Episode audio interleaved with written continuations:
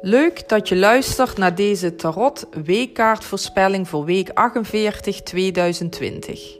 Dat is van 23 november tot en met 29 november. Mijn naam is Esther van Herenbeek en ik ben astrologe bij het 12e huis.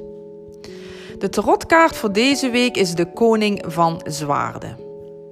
De algemene betekenis. De koning in een hofhouding beheerst en heeft de macht over het betreffende element. Hij is gelinkt aan tarotkaart 4 de keizer. Hij neemt de leiding en hij zorgt ervoor dat het element de vorm krijgt wat het nodig heeft.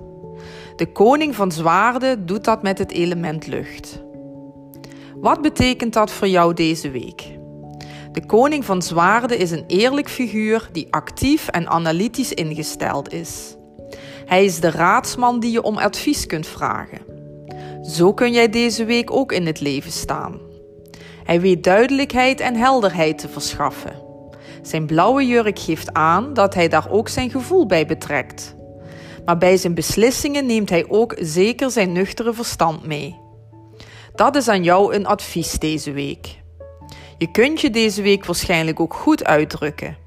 Of je wordt juist geadviseerd dit te doen.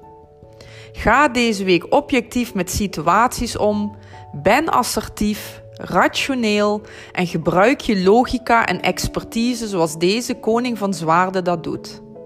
Beheers deze week zo goed mogelijk je gedachten en toon karakter.